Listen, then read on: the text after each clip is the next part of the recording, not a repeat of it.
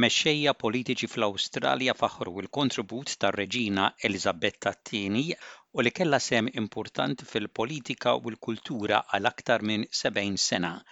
Il-Gvernatur Ġenerali David Hurley tal-aħbar ta' tmim tar-renju tar-Reġina Elizabetta II. Good morning. It is my solemn duty to inform you that Her Majesty Queen Elizabeth II has passed away on the 8th of September 2022 at Balmoral in the United Kingdom. Il-Prim Ministru Anthony Albanizi faħħar lir-Reġina Elizabetta II li mietet fir-residenza tagħha fl-Iskozja u fakkar lir-Reġina bil-klim tagħha stess. There is comfort to be found in Her Majesty's own words. Grief is the price we pay for love. This is a loss we feel deeply in Australia. Queen Elizabeth II is the only reigning monarch most of us have known and the only one to ever visit Australia.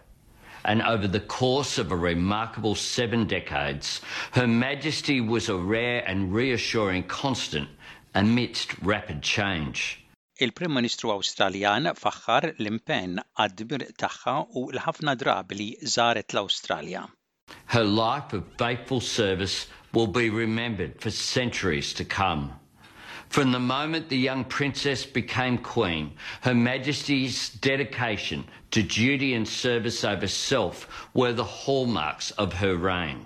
We saw those qualities each time she visited our shores, and she graced us on 16 occasions during her reign, travelling to every state and territory across our vast continent.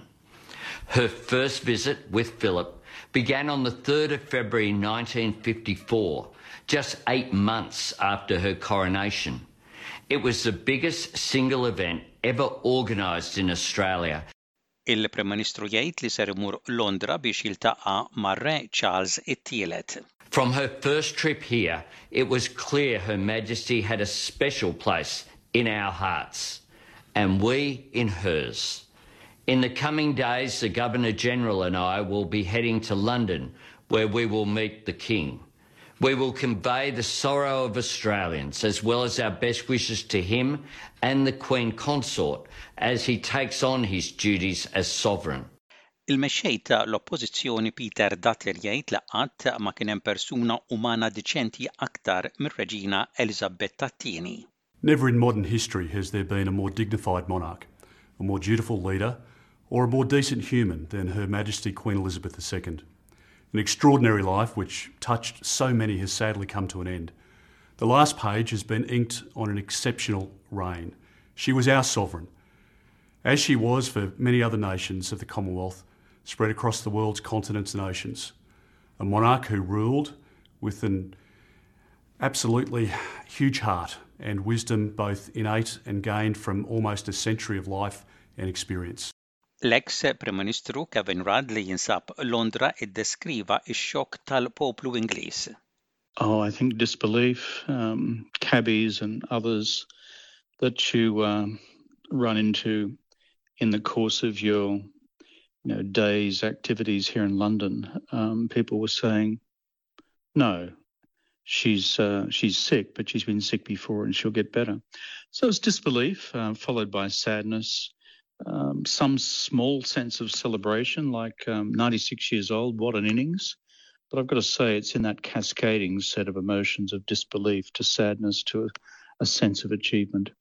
Il-Gvernatur Ġenerali David Hurley irrifletta dwar il-memorji tiegħu stess mar-Reġina. Spiċċa l-istqarrija tiegħu berba kelmiet li issa se jieħdu post dawk li id-dinja kienet tant użata tisma'. When I reflect on my own memories, and she was my queen for my entire life.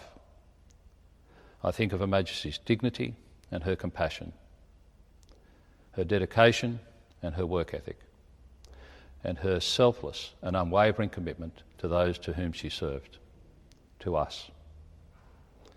Her death will sadden all Australians and be felt around the world.